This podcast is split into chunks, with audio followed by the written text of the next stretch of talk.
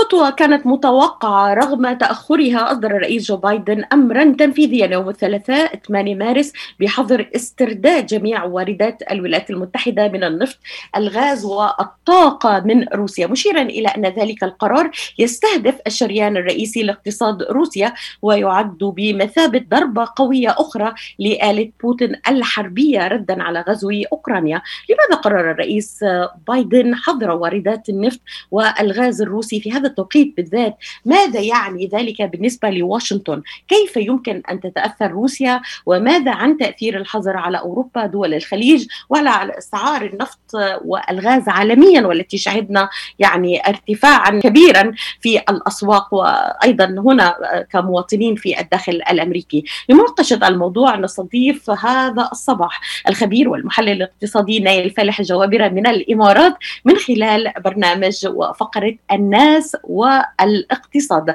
قبل أن يكون معنا الأستاذ نايل يعني دعونا قليلا ندخل في تداعيات قرار الحظر وكواليسه قليلا. ما هو الخلفية التي أوصلت البيت الأبيض إلى اتخاذ هذا القرار وإعلانه؟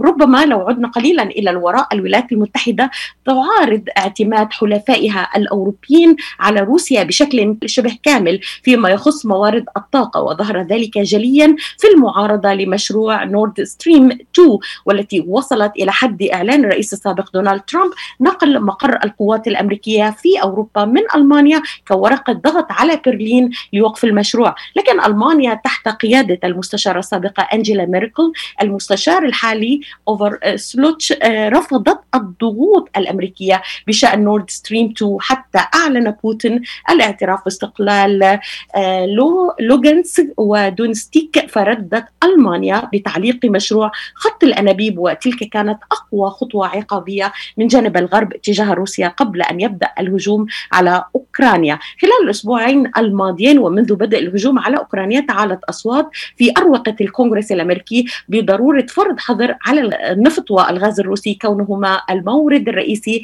لاقتصاد موسكو. لكن رئيس بايدن اتخذ خطوة استباقية. ما سبب هذه الخطوة؟ أستاذ نايل أرحب بك مباشرة من الإمارات لتطلعنا على هذه الكواليس وماذا يدور في السياسة. وهذا الملف يعني الإنساني بامتياز وأيضا الاقتصادي والسياسي. صباح النور لك. صباح الخير عليك وعلى جميع من يسمعنا. ما هي كواليس الأمر قبل أن نتطرق إلى التداعيات؟ ماذا يحدث؟ بكل تأكيد الكواليس هي تعتبر ورقة ضغط بالنسبة على روسيا وطبعا على بوتين وخاصة على رئاسته بعد الدخول في أوكرانيا. وطبعا هذه ورقة الضغط بكل تأكيد تضغط على الحكومة بشكل كامل. كما ان كما ذكرت أن يوم الثلاثاء قام بوقف آه، الرئيس بايدن بالنسبة إلى آه، استيراد آه، النفط والغاز من روسيا. إلى أن لا يشكل بشكل كبير الصادرات الكبيرة بالنسبة إلى الولايات المتحدة الأمريكية، النفط يشكل تقريبا 680 مليون برميل يوميا وهي تعتبر نسبة بسيطة بالنسبة إلى الصادرات الروسية. وطبعا هذه تعتبر ضغط وورقة ضغط بالنسبة إلى اتجاه أكثر من الدول الاتجاه وطبعا بشكل كبير على أن توقف صادراتها وطبعا الذي تعتمد عليه بشكل كامل الحكومة الروسية ودخولها في موازنتها بالنسبة إلى النفط والغاز.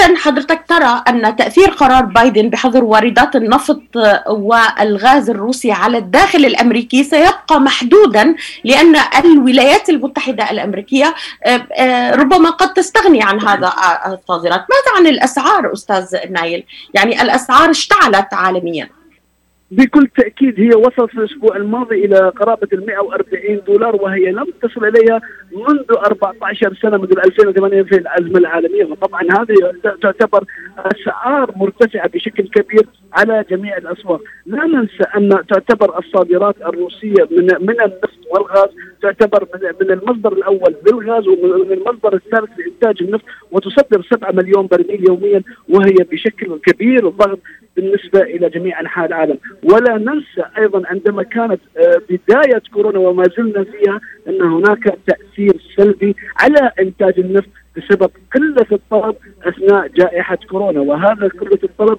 سيطر بشكل كبير على تقليل الإنتاج وإن كان من الولايات المتحدة الأمريكية أو من كان من أوبك بلس وهو أثر بشكل كبير على أسعار النفط حتى يكون هناك الثبات بعد وصوله في مارس 2020 أثناء الجائحة إلى آه، ما دون الصفر وطبعا سيطر بشكل سلبي على جميع الشركات التي تنتج النفط وأيضا تخزنه مما سيطر أن يكون هناك توافق جديد بين اوبك بلس لنسب الإنتاج الحالية. أستاذ نايل يعني حضرتك آه، أشرت إلى الداخل الأمريكي أن الولايات المتحدة الأمريكية تعتبر من الدول المصدرة للنفط وأيضا آه، الغاز، ولكن ما هو برأيك تأثير قرار بايدن بحظر واردات النفط والغاز الروسية على الداخل الأمريكي مباشرة غير ارتفاع الأسعار الذي نراه أصبح يعني جنونيا؟ بكل تأكيد حتى الأسعار الارتفاع هو يسيطر بشكل سلبي على المواطن الأمريكي خاصة إحنا في دولة الإمارات. الأسعار تتغير كل شهر أما عندكم أنتم في الولايات المتحدة الأمريكية تتغير تقريبا كل أسبوع وطبعا تختلف من ولاية إلى أخرى. وهو مسيطر بشكل سلبي على المواطن الأمريكي. وطبعا هذه الارتفاعات التي تعتبر جنونية بالنسبة إلى الأسعار وهي مسيطرة بشكل على المواطن كضغط بشكل كبير. ولا ننسى أن 2021 التي كانت بشكل سلبي على جميع أنحاء العالم بسبب بسبب الواردات وخاصة آه، سلاسل الإمداد التي كانت مسيطرة بشكل سلبي وخاصة في في عام 2021 لا ننسى أيضا أن هناك عوامل أو عوامل ما زال ما زلنا بها وهي كورونا التي مسيطرة على جميع أنحاء العالم التي كنا نتوقع أن يكون هناك 2022 عودة الحياة مرة أخرى وعودة الاقتصاديات إلى أن الآن بطريقة بالحرب الحالية هي بكل تأكيد زيادة لنسب التضخم التي وصلت في الولايات المتحدة الأمريكية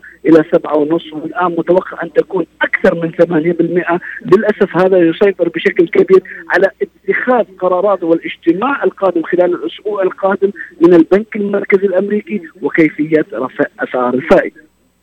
أستاذ نايل هناك من يرى أن تأثير القرار على روسيا اقتصاديا وسياسيا ليس له وزن وستبقى الآلة العسكرية الروسية على وضعها حتى تحقق مطالبها من أوكرانيا، كيف ترى آه، الأمر؟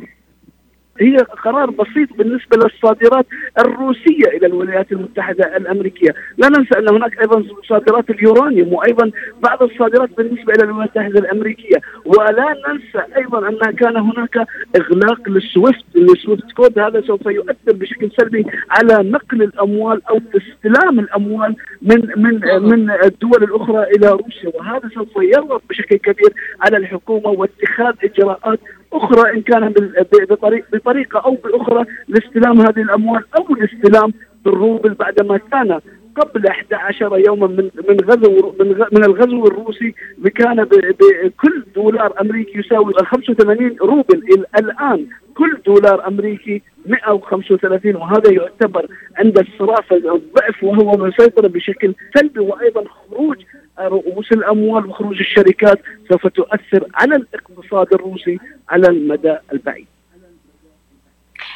إذا برأيك ما هي بدائل الولايات المتحدة الأمريكية لتعوض النفط الروسي ومنع ارتفاع الأسعار؟ استمعنا أن هناك اقتراحات باستخدام الاحتياطي النفطي الأمريكي. مهما كانت هناك استخدام الاحتياطي سوف تستخدم إلى أشهر أو, أو إلى أسابيع وهو ما يضغط بشكل كبير على الأسعار، الآن الإنتاج بشكل كامل أو تعويض امدادات النفط سوف تحتاج إلى مدة أطول، إن كان بزيادة إنتاج اوبك بلس أو إن كان من زيادة الولايات المتحدة الأمريكية بإنتاجها من النفط الصخري، هذا سوف يكون ورقة ضغط في المستقبل، لكن على المدى المتوسط والقريب لا وجود بالنسبة إلى تغطية مكانة النفط الروسي بالنسبة إلى العالم، لا ننسى أن أوروبا تمتلك بشكل كبير النفط الروسي وتستورد بشكل أكبر من كانت ألمانيا، كما ذكرنا 35% من الطاقة وأيضا بالنسبة إلى إيطاليا إلى إلى إلى أكثر من 30 أيضا بالمئة وهذه الصادرات تعتبر هي الضغط الأكبر بالنسبة على الحكومة الروسية إلى التراجع. وأيضا لا ننسى هناك استيراد أيضا المواد الأولية أيضا من روسيا وهي وهي وهي عندما تكون إيقاف هذه المواد واستيرادها من روسيا سوف تكون ورقة ضغط على كيفية استلام إن كانت الأموال بالسويفت أو إن كانت إلى الصادرات وخاصة من سلاسل الإنتاج. اذا ترى ترى أستاذ نايل أن هذه الأسعار ستستمر في الارتفاع حاليا، ليس هناك من حلول مطروحة على الطاولة. بكل تأكيد لكن لكن للمستمع الكريم إن هذه الأسعار تعتبر الأسعار الفورية وليست الأسعار التي تقوم الدول بالشراء بها، هذه الأسعار تعتبر أسعار فوريه فورية وهي ال spot، أما الأسعار التي تقوم بها شرائها من قبل الدول ومن قبل طبعا العالم هي تعتبر على أسعار الفيوتشر والمستقبلية، لذلك نرى أو نقرأ خلال الأيام مثلا سعر سعر برميل النفط الخارج مثلا من من من حقل من حقل مثلا برنامج اللي هو في في, أبو ظبي ارتفع خمس دولارات للفيوتشر أي في المستقبل أو أو في إبريل القادم، هذه هي الاسعار الحقيقية التي تقوم بشرائها من قبل الدول، الاسعار التي نلاحظها هي عمليات مضاربية أكثر من أن تكون عمليات فعلية للاستيراد والتصدير، لذلك نشهد إن في خلال يوم واحد كانت الأيام الماضية 10 دولارات بالارتفاعات ويوم أمس كان هناك انخفاض ب 11 دولار. إذا هل نستطيع القول أننا يمكن احتواء تأثير الحرب على أسواق الطاقة العالمية ربما؟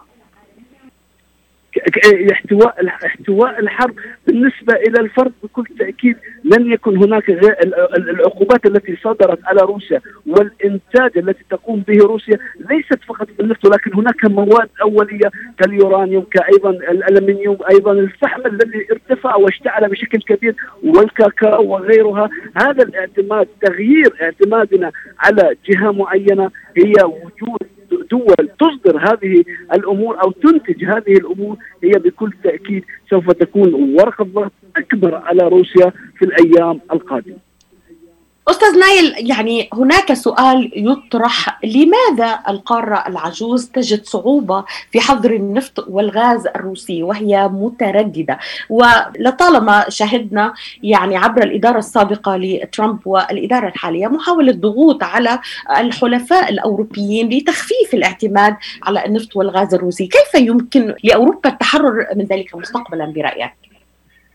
وبكل تأكيد في هذا الانقسام الذي نشاهده الآن وخاصة من ألمانيا وإيطاليا التي تستورد بشكل كبير من الطاقة ولا تريد انقطاع هذه الطاقة بشكل كامل. وأيضا أيضا بريطانيا التي صدرت بعض بعض بعض, بعض الانقطاعات بالنسبة للمواد الغذائية وغيرها إلى أنها قالت يوم يوم أمس وزير الخارجية أنها سوف يقوم بتخفيف الاستيراد من روسيا في 2022 وبعض الدول الأوروبية، هذا الانقسام بسبب الاعتماد بشكل كامل على دولة معينة أو الاعتماد أيضا للمواد الأولية من دولة معينة وأقصد روسيا، الاعتماد في الفترة الماضية وأيضا لا ننسى أن كانت هناك كورونا الضاغط الأكبر على الدول وخاصة المنتجة للنفط لأن لم تكن هناك أي شركات لعمليات إنتاج النفط إن كانت في الولايات المتحدة الأمريكية أو في دول المنطقة في الخليج ولا ننسى هذه ضغطت بشكل كبير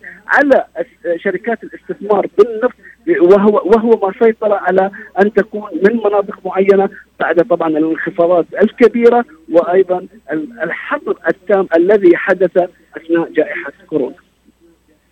بما بقي لدينا من وقت أستاذ نايل يعني حوالي دقيقتين ونصف ما هو موقع النفط العربي من هذا الصراع؟ هل لدينا موقف موحد تجاه هذه الأزمة؟